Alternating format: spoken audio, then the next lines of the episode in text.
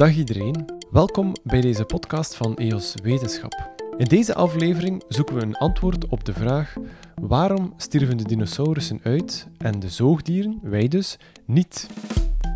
Ik ben Kim Verhagen, ik ben redacteur bij EOS Wetenschap en ik stel de vraag aan paleontoloog Koen Stijn van de Vrije Universiteit Brussel en het Koninklijk Belgisch Instituut voor Natuurwetenschappen. Dag Koen. Hallo, dag Kim. Om alles eerst eens te situeren, over welk tijdperk spreken we als we het over dino's hebben en hoe zag de wereld er toen uit? Ja, dus um, dinosaurus, dat is een, eh, een, een, een, vaak gemaakte vergissing. Die zijn nooit helemaal uitgestorven. Er zijn er natuurlijk heel veel verdwenen, maar vandaag is eigenlijk nog altijd het tijdperk van de dino's, als je in de strikte zin bekijkt. Uh, we hebben vandaag nog altijd de vogels, dat zijn nazaten van alle dino's. Dus theoretisch gezien zijn er nog altijd dino's vandaag. Maar je hebt het natuurlijk concreet over de niet-vogelachtige dino's. Mhm. Eh, en die leefden van het... Oh ja, die komen in het Trias, komen die op het toneel. Um, uh, en die gaan dan uitsterven, of toch in ieder geval het grootste deel ervan gaat uitsterven op het einde van het krijttijdperk, uh, een goede 65 à 66 miljoen jaar geleden. Ja. en ze hebben dus van in dat Trias de eerste echte dino's komen zo rond de 230 miljoen jaar geleden uh, tevoorschijn. En dan, ja, 65, 66 miljoen jaar geleden sterven ze finaal uit. Dat is een hele lange uh, periode van om en bij de 150 miljoen jaar. Um, daar is natuurlijk heel veel in gebeurd. Ja.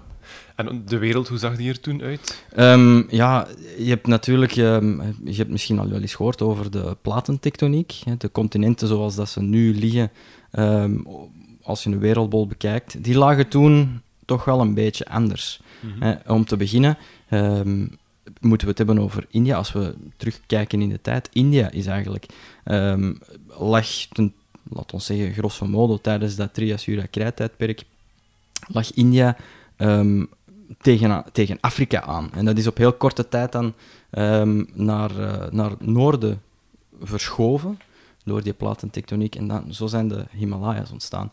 Maar ook de Atlantische Oceaan is eigenlijk pas um, goed beginnen vormen uh, in het Jura-tijdperk. Ik ga zeggen, rond de 150 miljoen jaar geleden is de Atlantische Oceaan beginnen open. Die was al een beetje aan het openscheuren, maar is echt stevig beginnen openscheuren uh, in die periode. Dus in het Jura-tijdperk zou je bij wijze van spreken, een dino zou van uh, Portugal of Spanje tot in de Verenigde Staten kunnen. Uh, hij zal misschien wel een stukje moeten zwemmen, maar hij zou er wel geraakt zijn, gemakkelijk. Mhm. Ja. Stel dat we daar nu staan, mhm. uh, we kijken rondom ons. welke bomen, welke dieren, hoe, hoe, rijk is de wereld qua fauna en flora op dat moment? Um, op dat moment heb je evengoed een heel grote, hele grote biodiversiteit als we spreken over kort na de start van de trias, want de bloeiperiode van de dino's is eigenlijk uh, naar aanleiding van een van de grootste massa-extincties die er ooit is geweest. Dus ze zijn niet alleen ten onder gegaan door een massa-extinctie, door een meteorietinslag, maar ze zijn ook um, op het toneel verschenen door het verdwijnen van een heleboel soorten. En die biodiversiteit die herstelt zich meestal wel op korte, relatief korte termijn in geologische taal dan, uh, op, laten we zeggen, een paar duizenden, misschien miljoenen jaren, um, krijg je terug die biodiversiteit van ervoor. Um, en, en, zeker qua planten is misschien wel een, uh, een belangrijk punt om te maken, is dat de bloeiende planten zijn pas echt uh, ja, naar het derde en laatste tijdvak, hè, dat krijttijdperk, daar zijn pas de bloeiende planten echt beginnen ja, opkomen, ontstaan en beginnen diversifiëren. Daarvoor had je die nog niet. Grassen bijvoorbeeld, um, die bestonden nog niet in de tijd van de dino's. Die zijn pas heel, heel laat um, ontstaan. Dus die dino's die hebben heel andere planten gegeten dan, uh, dan de zoogdieren van vandaag. Ja. Over welke planten spreek je dan? Um, die, die er toen waren. Er toen waren ja. ja. dan uh, spreken we vooral over um, Araucaria. Hè, dat zijn de, de apenstaartbomen uh, bij sommige mensen. Die hebben de Araucaria's zie je soms in de voortuinen van mensen. Die zijn zo van die geschupte uh, planten. Ja. En, en, ook varens, paardenstaarten, um, dat soort van dingen. En natuurlijk allerlei naaldbomen. Hè. Ja. We spreken nu over de dino's. U, u zei al dat er nog vandaag nog altijd dino's leven. Maar toen, welke diersoorten leefden er nog? Waren er ook, uh, uh, hoe rijk waren de, de zoogdieren in aantal? Uh, de vissen, de vogels? Mhm. Ja, um, even, even, goed als vandaag. Hè. Ja. Um, de zoogdieren zijn um, ja, ook ergens in het Jura. vinden we de allereerste zoogdieren terug. Um, die hun voorouders waren eigenlijk, ik heb gesproken over die massa-extinctie, waardoor dat de dino's en, en, aanverwante reptielen op het toneel zijn kunnen verschijnen. Voor die massa-extinctie waren het de voorouders van de zoogdieren die de plak zwaaiden. Um, vaak zie je ook in musea, en dan denken mensen dat is ook een dino, um, de Dimetrodon. Dat is eigenlijk een voorouder van zoogdieren, die behoorde tot de dominante fauna op aarde. En, en ja, die is dan op het einde van de... Ah ja, aan de start van het dino-tijdperk zijn die beesten ook allemaal uitgestorven. Maar het is helemaal geen dinosaurus. Ja, dus eigenlijk de zoogdieren waren eerst dominant, daarna terug overheerst door dino's en daarna terug zelf ja. dominant. Het waren nog geen zoogdieren zoals ja. we ze vandaag kennen, maar het, waren wat, het was wel de stamlijn van de zoogdieren die eigenlijk eerst dominant was. Ja. En, ja. We kennen dino's vooral van films en documentaires ook. En daarin zijn ze meestal groot en gevaarlijk. Mm -hmm. Klopt dat? Um, ja, er waren natuurlijk uh, in elk tijdvak waren er wel een aantal grote en gevaarlijke dino's. Hè, de, de, de Tyrannosaurus rex in het krijttijdperk, de Allosaurus of, of zelfs nog grotere soorten in het Jura-tijdperk uh, enzovoort. Um, maar dat waren niet de enige dinosaurussen die er, die er rondliepen. Je had ook heel veel kleinere soorten. Uh, uiteindelijk zijn uh, dinosaurussen in, dat, in het eerste tijdvark, tijdvark van het Mesozoïcum zijn, zijn heel klein begonnen. De allereerste dinosaurussen waren misschien niet groter dan een kat of een hond. Mm -hmm. um, en er zijn altijd wel soorten blijven bestaan die niet groter werden dan dat formaat. Ja, maar toch waren er ook veel dino's die veel groter waren ja. dan dieren die vandaag leven. Ja. Waarom werden ze toen zo groot? Um, ja, het, het, iconische voorbeeld van als je spreekt over dino's, denken mensen heel vaak aan de langnek-dinosauriërs, mm -hmm. oftewel de sauropoden. Um, daar zijn soorten van gekend die geschat worden rond de 100 ton. En dan begin je zelfs de theoretische um, fysische bovenlimiet te bereiken van wat dat überhaupt mogelijk is uh, voor een landdier. Want um, je moet de botopbouw en, en, allerlei weefsels die steun moeten geven aan dat lichaam, uh, die gaan op een bepaald punt een mechanische bovenlimiet bereiken. En, en vanaf dat je die bovenlimiet bereikt, um, als je iets te veel uh, trappelt of misschien een, een, een, struikeling maakt en je moet een poot verzetten, en die kracht wordt gigantisch groot dat het bot zou breken bijvoorbeeld. Dus daar zitten we inderdaad al, daar komen we aan de bovenlimiet van wat dat mogelijk is op land. En die giganten, um, die denken hun formaat eigenlijk uh, aan een aantal eigenschappen, um, een aantal primitieve eigenschappen die ze overgeërfd hebben van hun, van hun voorouders, hè, zoals het, uh, het vele eier leggen, waardoor dat ze heel snel uh, van generatie konden wisselen, dus dat er altijd wel overlevende nakomelingen waren. Um, en dan um, belangrijke uh, innovatieve kenmerken. Um, dat zijn uh, de snelle groei um, en uh, hun lange nek. een ander belangrijk kenmerk, dat misschien ook eerder innovatief is, is de structuur van hun long. Ik zal ze ook allemaal even uitleggen. Dus de snelle groei. dinosaurussen worden, vroeger dacht men, 100 jaar geleden dacht men dat dinosaurussen koudbloedige reptielen waren en heel sloom. En, um, die gedachtegang is in de jaren 70 helemaal veranderd. Uh, dan zijn we beginnen inzien, door onder andere ook beenderen door te snijden en onder de microscoop, excuseer, onder de microscoop te gaan bestuderen, dat die weefsels heel snel zijn gegroeid. De, je kan die, uh, de structuur van die weefsels is uitstekend bewaard. Uh, je kan dus afleiden hoe snel zo'n dino gegroeid is aan de hand van zijn botmicrostructuur. En um, het, alle gegevens duiden erop dat al die dinosaurussen aan een tempo zijn gegroeid dat alleen maar mogelijk is met een, uh, een hoge stofwissel, eerder zoals bij zoogdieren. En dus indirect vermoeden we dat ze uh, een soort van warmbloedigheid hadden. Ja. Um, en dan een tweede kenmerk dat ik zei is de, de lange nek. Die lange nek laat toe voor zo'n gigant om zich niet te veel te hoeven verplaatsen, dus niet te veel energie te moeten spenderen in het rondwandelen op zoek naar nieuwe voedselbronnen en gewoon een soort van ja, een, een soort van enveloppe, noemen ze dat in de ecologie, een voedingsenveloppe af te grazen. Uh, grazen is misschien een fout woord, want er waren nog geen grassen, zoals ik zei. Um, maar hij moet wel veel minder energie spenderen om een groot volume uh, van voedsel te vinden. Ja. Een beetje zoals de slurf van de olifant, als je wil. Of de nek van de, van de giraf. Ja. En dan um, het laatste kenmerk, dat is de structuur van de long. Dat ligt een beetje samen met die, met die stofwissel. Um, dus sauropoden en heel veel dinosaurussen, uh, onder andere ook de vleeseters, hadden een, wat ze noemen een heterogene long. Um, het grote verschil met zoogdieren is dat onze longen die, die hebben weefsels waarin gasuitwisseling gebeurt.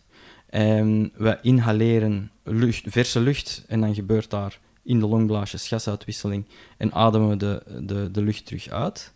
Um, dus er gebeurt ene keer gasuitwissel uh, in, die, in die weefsels. Bij vogels en bij veel van die uh, uitgestorven dinosaurussen had je nog een heleboel luchtzakken die, waar geen gasuitwisseling gebeurde, maar die wel een groot volume aan lucht konden opzuigen. En dus tijdens het inhaleren werd een heleboel lucht in die luchtzakken ingezogen. Um, en passeerde een deel van de lucht door de, uh, het longweefsel waar gasuitwisseling gebeurt. Dus je krijgt gasuitwisseling tijdens het inhaleren. En als je dan die lucht uit die luchtzakken terug uitblaast, dan blaas je terug een deel door die uh, weefsels waar gasuitwisseling gebeurt en krijg je weer uh, um, zuurstofopname.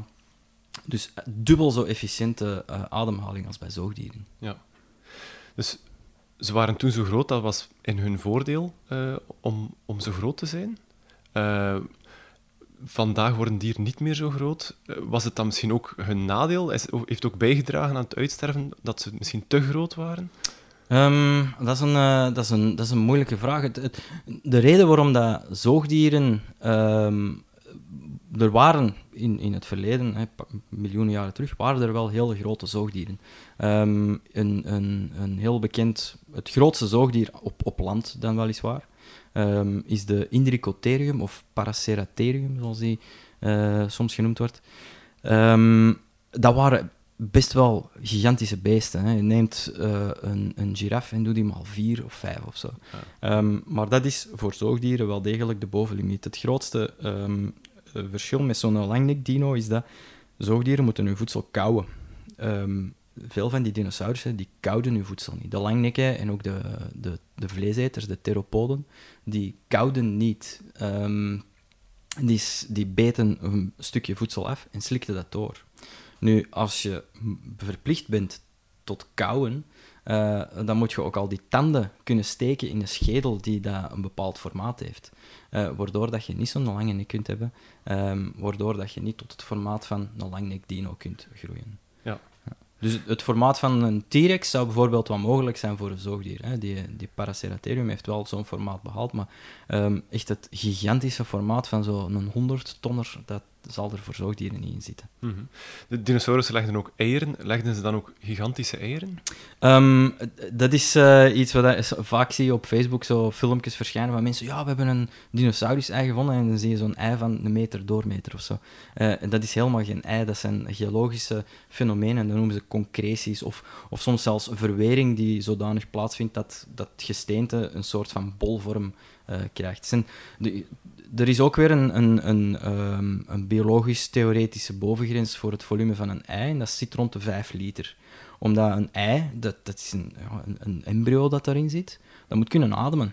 Uh, en als je dat ei ook wilt beschermen tegen predatoren en tegen een stoot of zo, dan moet je daar een eierschaal rond doen. Maar als, die, als dat ei te groot wordt, dan moet je die eierschaal zo dik maken dat het embryo niet meer kan ademen. -hmm. Um, dus daar zit ook weer de theoretische bovengrens rond de 5 liter. Nu, de meeste uh, dino-eieren, ook van de, de grote langnekken en zo die we vinden, ja, die zitten rond de 2 à 3 liter. Dus ook zelfs zo'n zo'n multiple 10-tonner kwam ooit uit een ei dat ja, niet groter was dan een volleybal. Ja, ja.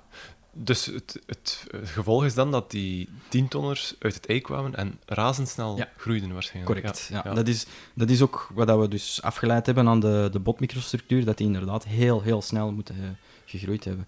Een beetje zoals de, de zoogdieren vandaag. Hè. Als je kijkt naar een paard of een koe, uh, die zijn op één max twee jaar zijn die volwassen, zijn die volgroeid. Uh, dus dat is een ongelooflijke uh, groeisnelheid. Ja. Ja, want dino's werden groot, werden ze ook heel oud? Ja, dat, dat is ook weer um, afgeleid aan een botmicrostructuur, dat uh, de meeste van die hele grote langnekken werden niet meer dan 60 jaar. Um, er zal misschien wel eens een uitzondering geweest zijn van een die misschien 70 jaar uh, aan, aantikt, maar uh, veel ouder dan dat zullen ze toch niet geworden zijn. Ja, ja. ja. dus echt een razendsnel leven Een eigenlijk. supersnel uh, leeftempo. Ja. Als we het over het uiterlijk van de dino's hebben, in films, in, in schetsen worden die vaak voorgesteld als naakte monsters, bijna om het simpel te zeggen. Zonder veel kleur, vroeger zonder veren, nu soms met veren. Hoe Hoeveel weten we nu al over het uiterlijk van de dino's? Um, er is uh, eigenlijk bijzonder veel over gekend. Um, we hebben natuurlijk de laatste 20, ja, het is in de jaren 90 begonnen, dus bijna 30 jaar, uh, aan vondsten uit China met uh, fantastische pluimbewaring. Dus allerlei, dat zijn dan natuurlijk vooral kleine vleesetende dinosaurussen op de stamlijn naar de vogels, die, die een vederdracht hadden die dat we tot dan niet, niet kenden. En waar dat we nu dus heel, heel in detail kunnen gaan kijken, hoe zagen die pluimen eruit, uh, wat voor structuur hadden die. En ook soms kleuren, hè, want in sommige gevallen zijn we, uh, hebben we een soort van pigmentstructuur kunnen, kunnen achterhalen. Um, bij de grotere dino's wordt het natuurlijk wat moeilijker, omdat um, het is veel moeilijker om een grote dino in zijn geheel te bewaren uh, dan, dan een kleine dino. Um, maar zelfs daar hebben we van uh, een aantal hadrosauriërs, dat zijn, de, de, dat zijn dan wel herkauwende uh, dinosaurussen, nazaten van de, de Belgische iguanodons. Uh, uit de Verenigde Staten hebben we een aantal mummies waar dat huidbewaring aanwezig is. Dus we zien daar de, de structuur van de schubben, die kunnen we daar heel mooi achterhalen. En die hadden dan weer geen pluimen, of toch geen bewaarde vederdracht. Um, in, er is één klein stukje huid van een Tyrannosaurus uh, bekend. Um, maar dat is dan een, Tyrannosaurus uit het, uit het krijt. En daar vermoeden we dan dat ja, dat ene kleine stukje zegt natuurlijk niks over heel het dier. Uh, maar die zal dan toch wel uh, zeker stukken naakt geweest zijn. Terwijl er een Tyrannosaurier is uit het Jura van China, die dat helemaal bedekt is met pluimen. Dus uh, voor specifieke gevallen weten we heel veel, maar het, we kunnen niet veralgemenen of extrapoleren naar soorten waarvan dat we geen vondsten hebben, ja. uh, omdat het ja, heel, heel divers is. Het schijnt heel vaak te verschillen van soort tot soort. Ja, ja want hoe trek je eigen conclusies uit? Jullie vinden, uh, als paleontologen, vinden uh, fossiele beenderen. Soms ze misschien een stukje huid dat bewaard gebleven is. Hoe kan je daaruit zoveel info halen, zoals pluimen, kleuren eventueel, soms zelfs gedrag? Ja. Um, gedrag, gedrag is een hele moeilijke. Um, we proberen natuurlijk eerst de rechtstreekse bewijsvoering aan te brengen.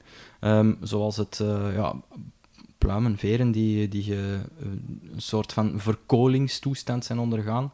er zijn de laatste tijd veel onderzoeken naar gebeurd. Wat is daar chemisch gebeurd met die oorspronkelijke organische structuren? Dat die er nu uitzien zoals dat ze eruit zien, na gemakkelijk 80, 90 miljoen jaar. Mm -hmm. um, maar die structuren zijn wel bewaard. Dus je kan ze echt rechtstreeks, als je goed gaat observeren, vaak is dat met de microscoop, dat je dan dat fossiel van dichtbij gaat bekijken. Maar je kan die structuren wel herkennen. Um, soms gaan we er dan ook met modernere technologie uh, aan, uh, uh, aan het werk. zoals bijvoorbeeld CT's, tomografieën, computergestuurde scanners um, of chemische scanstructuren, scaninfrastructuren, dan kom je ook heel veel te weten over de samenstelling. En, en als je dan een, een, een computertomografie-analyse doet, dan krijg je soms ook wel iets te weten over de 3D-structuur um, ehm, van een al dan niet platgedrukt fossiel. Want die, um, die kleine vleesetende dino's uit China, die zijn allemaal op een, op een laag samengeperst. Daar, kan, daar is het soms moeilijk om 3D-informatie uit af te leiden. Maar met zo'n scanner kan je dan wel zo'n uh, zo'n fossiel scannen en dan terug reconstrueren in drie dimensies. Ja. Um, en dan, eens dat je een, een beter beeld hebt van hoe zo'n dino eruit gezien heeft, um, dan kan je um, extrapolaties, interpretaties gaan maken over hoe het dier zich gedragen heeft. we hadden het over pluimen. Als je ziet dat er ehm, heel extravagante pluimen op zitten, ik geef één voorbeeld, Confucius ornis uit, uh, ook weer uit China. Uh, daar hebben ze twee ehm, verschillende soorten individuen. Er zijn honderden, misschien zelfs duizenden individuele specimens bekend. Um, maar in die hele grote groep zie je twee duidelijke wat ze noemen morfotypes. Dus hmm. twee verschillend uitziende types. Ene met hele lange staartveren en ene zonder die staartveren. Uh, en het is heel mooi verdeeld, misschien niet 50-50, uh, maar het zal toch wel ongeveer uh, dat zijn.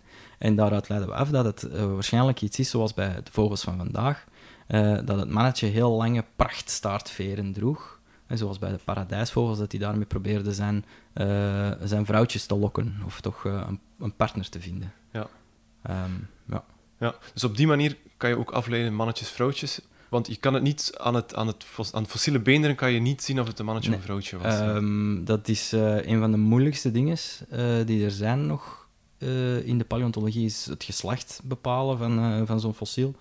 Um, er, zijn, er is een, een controversieel onderwerp, een, een type van botweefsel dat je soms terugvindt uh, binnenin de mergholte van, uh, van dan vooral de, de grote vleeseters. Um, dat heel gelijkaardig is aan iets dat we vinden bij vogels. Dat noemen ze uh, medullair bot. Dus dat is botweefsel dat, dat geen steunstructuur heeft. Zoals onze, onze, onze eigen botten. Die, de, de wand van zo'n bot moet, moet, veel, moet het gewicht van, van het lichaam kunnen dragen. Um, maar binnenin de mergholte van die grote vleeseters zit soms een heel poreus weefsel dat heel snel opgebouwd, nog sneller dan normale botgroei, uh, kan opgebouwd worden en ook terug afgebroken. En dat type van weefsel dat vind je alleen terug bij um, vrouwtjes, som, niet, zelfs niet alle vogels, maar uh, sommige vogelsoorten um, leggen de vrouwtjes tijdens de ovulatie, dus op het moment dat ze uh, een ijsprong hebben, leggen die dat bot aan om dan achteraf daar hun embryo en de kalkschaal mee op te bouwen. En zo'n botweefsel hebben we ook teruggevonden in een aantal uh, dinosaurussen. Um, en dat zou dan eventueel een indirecte indicatie kunnen zijn dat het effectief een vrouwtje was. Maar als het afwezig is, kunnen we het natuurlijk niet zeggen, want het kan zijn dat het een vrouwtje is dat niet in die eiersprongfase is, of een mannetje. Ja. Je bent uh, paleontoloog, een van de weinigen, denk ik, in België. Mhm. Hoe ziet het leven, of toch het onderzoeksleven van een paleontoloog eruit? Um, dat, uh, dat, dat is altijd anders. Elke dag is uh, anders. Er zit natuurlijk wel een beetje routine in. Um, nu, het onderzoeksgedeelte... Ik ben, ik ben nu sinds 2014 ben ik terug in België, want ik heb uh, lang in Duitsland gewerkt. Um, en ik heb nu, mijn financiering is ten einde, maar ik begin nu in oktober begin ik als uh, uh, gidsanimator in het Museum voor Natuurwetenschappen uh, bij de educatieve dienst. Mm -hmm. um, ja, dat heeft natuurlijk te maken met gezinsuitbreiding en, en, je wilt toch een beetje een stabieler inkomen. Um, dat ik mij wat minder op research gaan, gaan toeleggen en wat meer op educatie. Ja. Ehm, maar ik kijk wel terug op uh, zes fantastische onderzoeksjaren, want ik heb uh, in het kader van mijn, van mijn onderzoek uh, naar heel exotische plekken kunnen reizen. Exotisch denken mensen vaak warm, maar het was naar het verre oosten van Rusland onder andere, in februari. Dat is niet de warmste plek op aarde dan.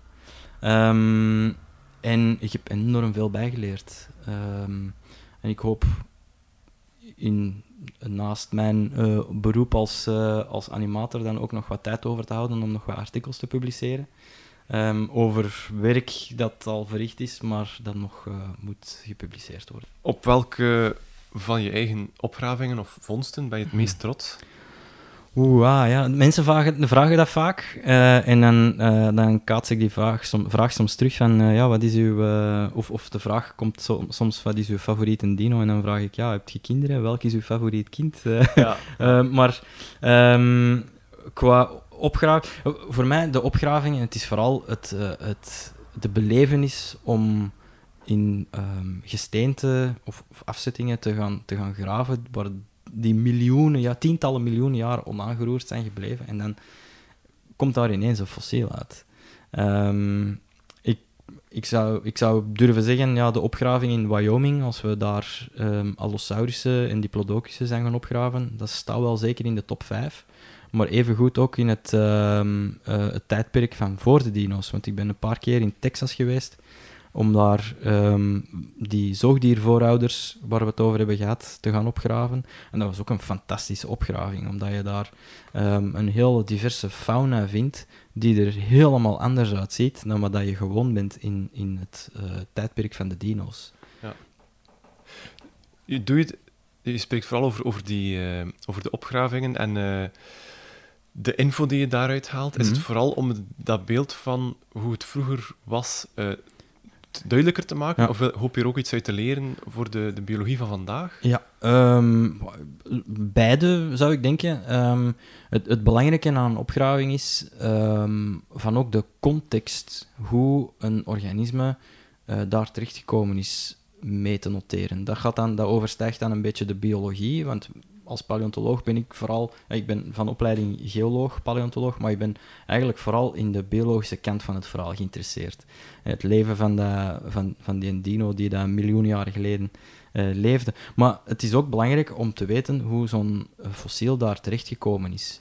Um, is het dier ter plekke gestorven en begraven? Of is het eerst getransporteerd? Zijn er aaseters geweest die het karkas uiteen hebben ge, uh, getrokken? Uh, welke stukken mankeren er? Liggen die misschien, zijn die wat verspoeld? Liggen die een beetje verderop? Daarom is het belangrijk tijdens een opgraving alles te documenteren. Um, dat je een, een, een kaartje maakt uh, en, en ook een, een, een profiel van, van de lagen, om te zien ja, waar dat juist alles zit zodanig dat als je terugkomt in het labo in België, um, dat je nog een overzicht behoudt van ja, wat hebben we daar nu eigenlijk uit de grond gehaald. Um, voor biologische wetenschappen van vandaag komt het er dan natuurlijk op neer om het fossiel zelf te gaan bestuderen. Daar kunnen we uit die geologische context kunnen we niet veel over biologie zeggen natuurlijk. Um, maar ja, het is wel belangrijk dat je een, een heel complete uh, opname van gegevens doen. En dat duurt soms natuurlijk uh, jaren uh, aan verwerkingstijd om, om, het, uh, om het plaatje compleet te maken. Ja.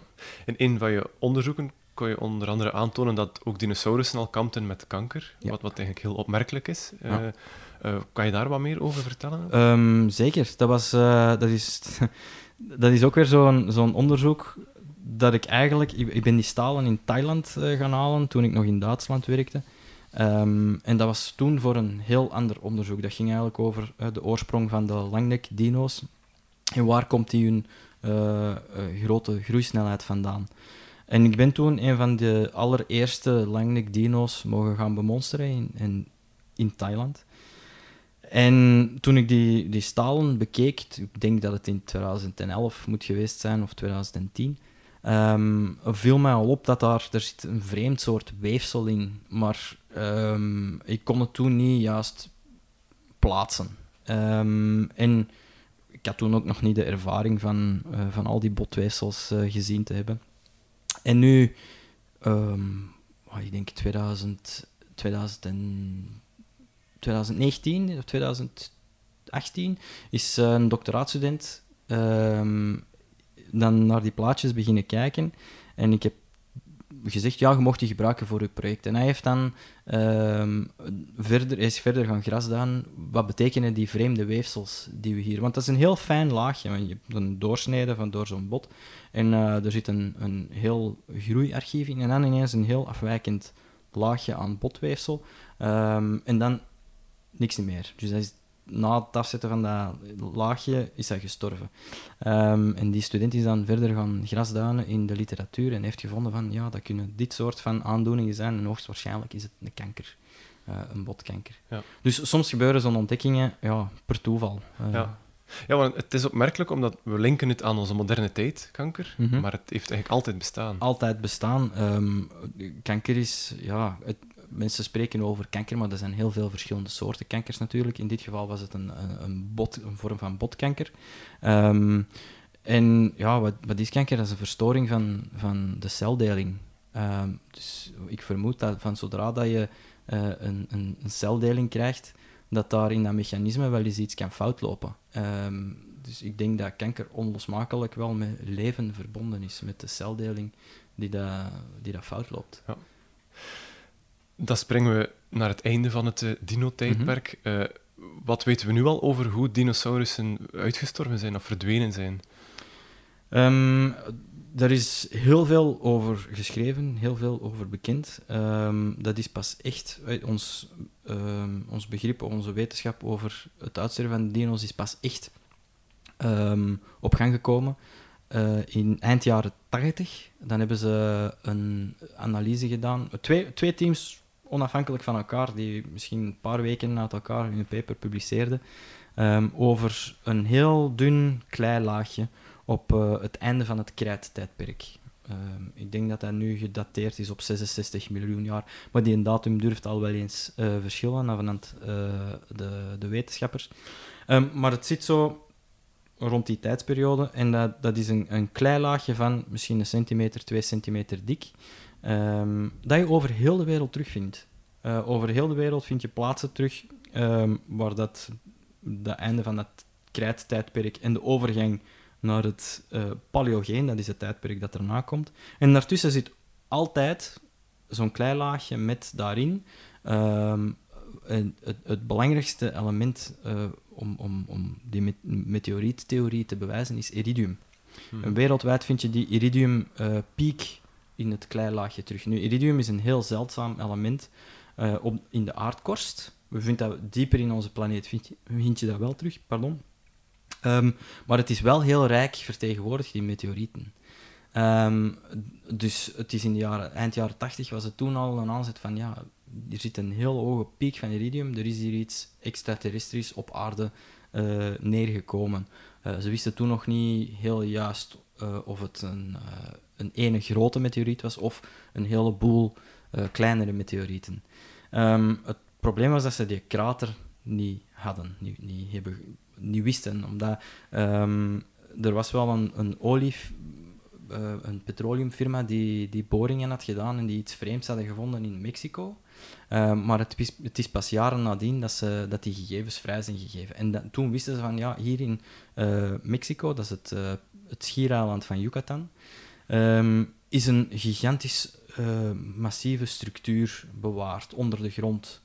Um, en er zijn van al allerlei kaartjes van, maar zelfs als je nu vandaag gaat kijken op Google Maps, dan kan je die krater uh, nog zien. Hij ligt voor de helft in de, in golf van Mexico en voor de helft uh, op het uh, schiereiland van, van Yucatan. Is ongeveer 200 kilometer doormeter en in het centrum daarvan ehm, nu weet ik niet meer zeker of dat het echt het centrum is, vind je het dorp of de stad Chicxulub. Uh, en daarom wordt hij nu ook verwezen naar de impactkrater van uh, Chicxulub. Ja. En um, ja, met dat we die krater dan vonden, en de datering daarvan is precies met uh, dat kleilaagje, um, wisten we wel zeker dat, er, dat dat de impactkrater is geweest van, uh, van die meteoriet 66 miljoen jaar geleden. Dat, heeft, dat is een catastrofe van je welste geweest. Um, op het moment zelf krijg je natuurlijk um, het vaporiseren, dus het verdampen van een, een, een heleboel materiaal. Uh, de plek waar hij toen ingeslagen is, was toen ondiepe zee. Wat betekent dat er heel veel kalksteenafzettingen waren, met uh, kalkstenen, calciumcarbonaat, heel veel koolstof dat daarin uh, opgeslagen zit, maar ook gipsafzettingen waarin zwavel zit.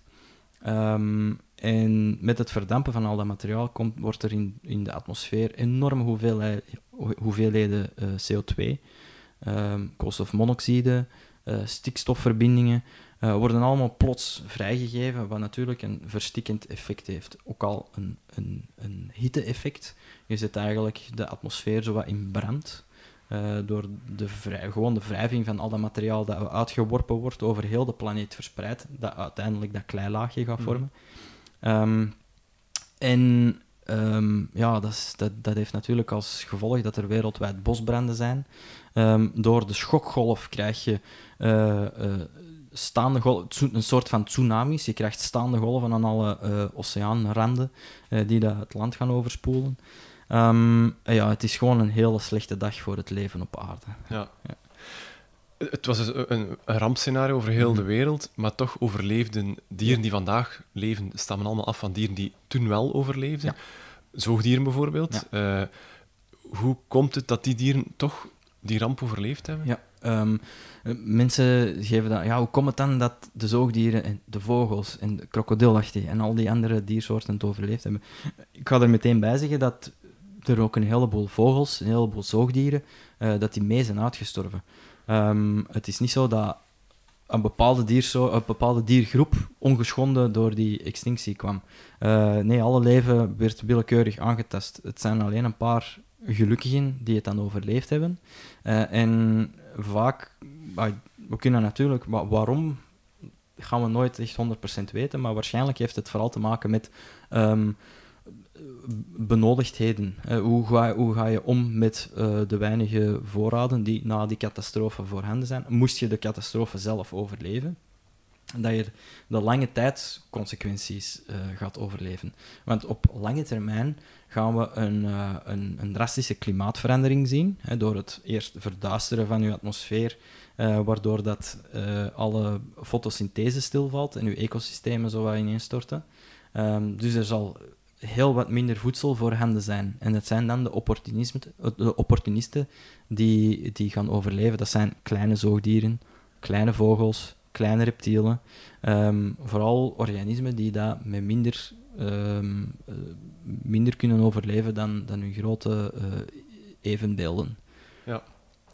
Je zei al helemaal in het begin dat niet alle dino's uitsterven. Hm. Eh, welke dieren die vandaag leven zijn nog het dichtst verwant aan de dino's? Ja, dat zijn de vogels. eh, alle vogels die je vandaag ziet, ehm, die zitten eigenlijk op...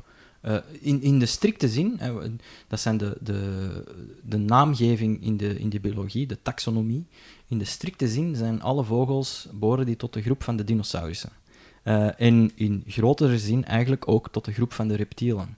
Eh, dat, is, dat, dat is soms een beetje vreemd eh, om, om, om zo te zeggen, omdat ja, reptielen, dat zijn toch geschupte dieren, hè, die, die koudbloedig zijn en, ehm, en, en vooral zo graag in het zonnetje zitten. Maar als je naar de poten van een vogel gaat kijken, dan zal je zien dat daar ook schubben op zitten. Ehm, als je dan, hè, dan tegenvoorbeeld van eh, ehm, koudbloedig zijn, krokodillachtigen hebben warmbloedige voorouders. Ehm, die hebben alle eigenschappen wat, dat een, een, een, wat dat je zou verwachten van een warmbloedig organisme. Zij zijn alleen ehm, secundair terug naar het water teruggekeerd en een, een andere levensstijl eh, aangenomen. Waardoor dat ze niet meer die actieve thermofysiologie, pardon, weer een moeilijk woord, thermofysiologie eh, nodig hadden. Die, die zoogdieren die toen overleefd hadden, dat waren, als ik het goed begrijp, dan vooral kleinere soorten. Waar, was er ook al een grote verscheidenheid in een aantal soorten? Of stammen wij allemaal af van een, een soort die eigenlijk allemaal van eenzelfde kleine groep...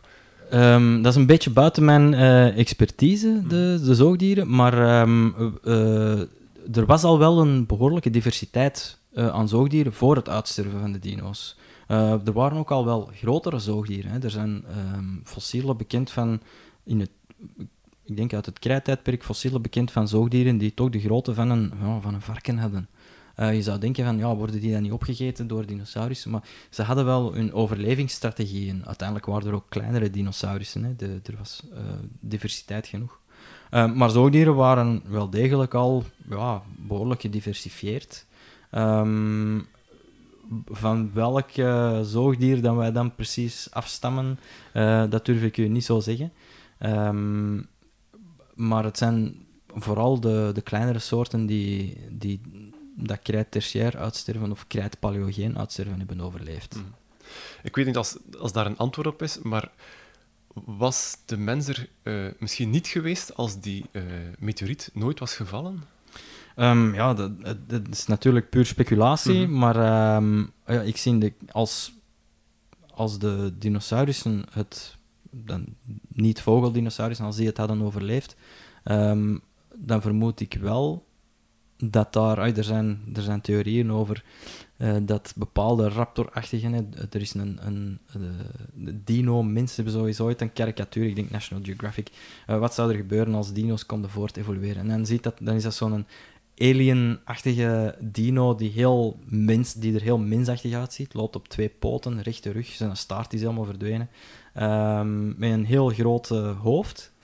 Ehm, ik weet niet of dat het zo ver zou gekomen zijn. Want uiteindelijk hebben dinosaurussen toch wel 150 miljoen jaar lang rondgezwerfd. Mhm.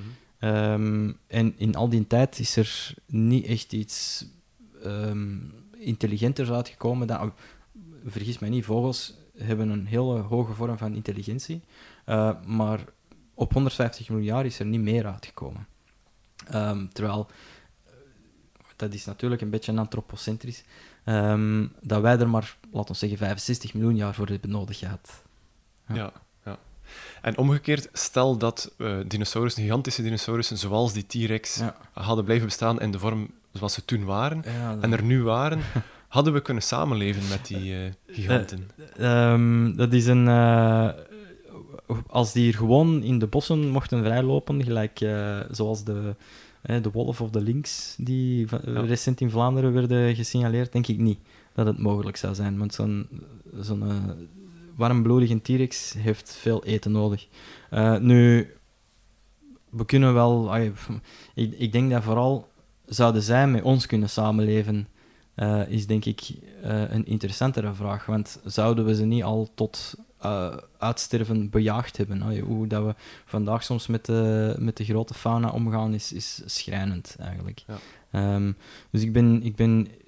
Ik heb eerder bang dat het, dat het eh, gevaar de andere kant op zou gaan zijn. Ja, maar we zijn nu vooral aan het, het, het- een beetje filosoferen erover, maar er zijn wel degelijk, misschien gekke wetenschappers, die het idee hebben om dinosaurussen terug te brengen, dus Ja. nood met, via een kip en zo. Ja.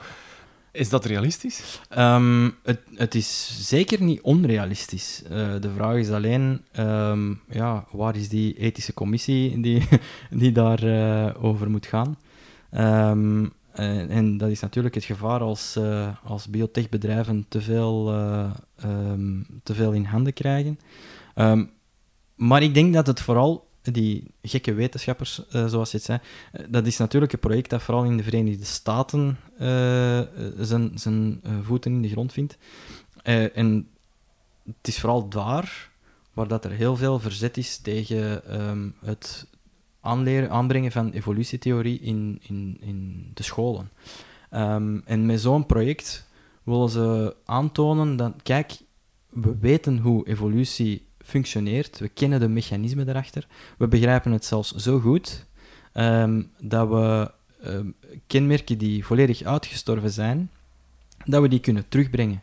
Ehm, dat we kunnen gaan kijken naar het genoom van een kip, eh, daar bepaalde genschakels eh, terug omschakelen en primitieve kenmerken terug naar boven laten komen. Ehm, ik denk dat dat vooral het doel is geweest van, van dat project. En buiten het feit natuurlijk dat, eh, dat het een mediasensatie zou zijn. Eh, maar ik denk dat dat vooral de filosofische achtergrond is geweest van, van het eh Chickenosaurus-project, bijvoorbeeld. Dus je vermoedt niet dat het, dat het wel degelijk ervan komt, een soort Jurassic Park. Ja, ik, ik, ik- elke, ik, hoop het. Ik hoop dat elke ethische commissie het niet zou toelaten om, om zo'n ja, een, een aberra ja, aberratie is een fout woord, maar eh, zo'n ehm, eh, experiment effectief te laten uitkomen, te laten eh, ja, uit het ei komen. Ja. Ehm, want uiteindelijk ja, zijn ze met de bouwstenen van het leven aan het, eh, aan het jongleren. Ik, ik denk dat, dat ik hoop van harte dat, dat er een ethische commissie zal zijn die daar wel een stokje voor steekt. Ja. Nu in Amerika, ja, in Amerika is, dat, eh, is, is alles mogelijk als je genoeg geld hebt natuurlijk. Dan vermoed ik dat ik het antwoord al ken op mijn laatste vraag, Ja. maar zou je zelf nog eens een dino in het echt willen zien, als paleontoloog dan? Ah, dat is een, ja, dat is een dubbele vraag, want het is natuurlijk een, een fascinatie en een passie. Ehm, maar eh, de dino's hebben hun een tijd gehad. En ik denk dat er ondertussen al vijf, de zes, vijf films en zes films zijn over verschenen waarom dat we het niet zouden moeten doen. Ehm, dus ja, ik, ik, denk, ik denk niet dat we... Ik ga waarschijnlijk een heleboel eh, jeugd teleurstellen. Ehm, ik denk niet dat we het recht hebben om, eh, om die beesten terug te brengen. Ja. Ehm, de vraag is dan... kunnen we dat met andere uitgestorven diersoorten, die bijvoorbeeld aan de hand van de mens zijn verdwenen, ehm, kunnen we die technologie daar dan niet op toepassen? Ik denk dat dat eerder zinvol zou zijn. Ehm, om soorten, om, om te beginnen, de soorten die we nog hebben, beter te beschermen. En dan de soorten die door ons toedoen, uh, zijn verdwenen, om proberen van die terug te brengen, al dan niet eerst onder observatie, uh, voordat ze terug uh, in, in een natuurlijke omgeving, als die er nog is, dan, dat we die daar kunnen terugzetten. Ja. Oké. Met het uh, idee dat uh, de T-Rex uh, binnenkort niet terugkomt. dat we, nog een laat, beetje... Laat het ons houden op films en, ja, ja, en ja. videogames. Um, kunnen we afronden, denk ik. Dus, toch een hoopvol bericht om goed te kunnen blijven slapen. sorry voor de teleurstelling. ik wil u heel erg bedanken voor het gesprek, het hele interessante gesprek. En jullie luisteraars wil ik bedanken voor het luisteren. Vond je deze podcast interessant? Deel hem dan zeker. Uh, schrijf gerust ook een review over deze podcast. Wil je op de hoogte blijven van toekomstige afleveringen? Ga dan naar www.eoswetenschap.eu en schrijf je in op onze nieuwsbrief. Of blijf ons volgen via je favoriete podcastkanaal. Tot een volgende aflevering.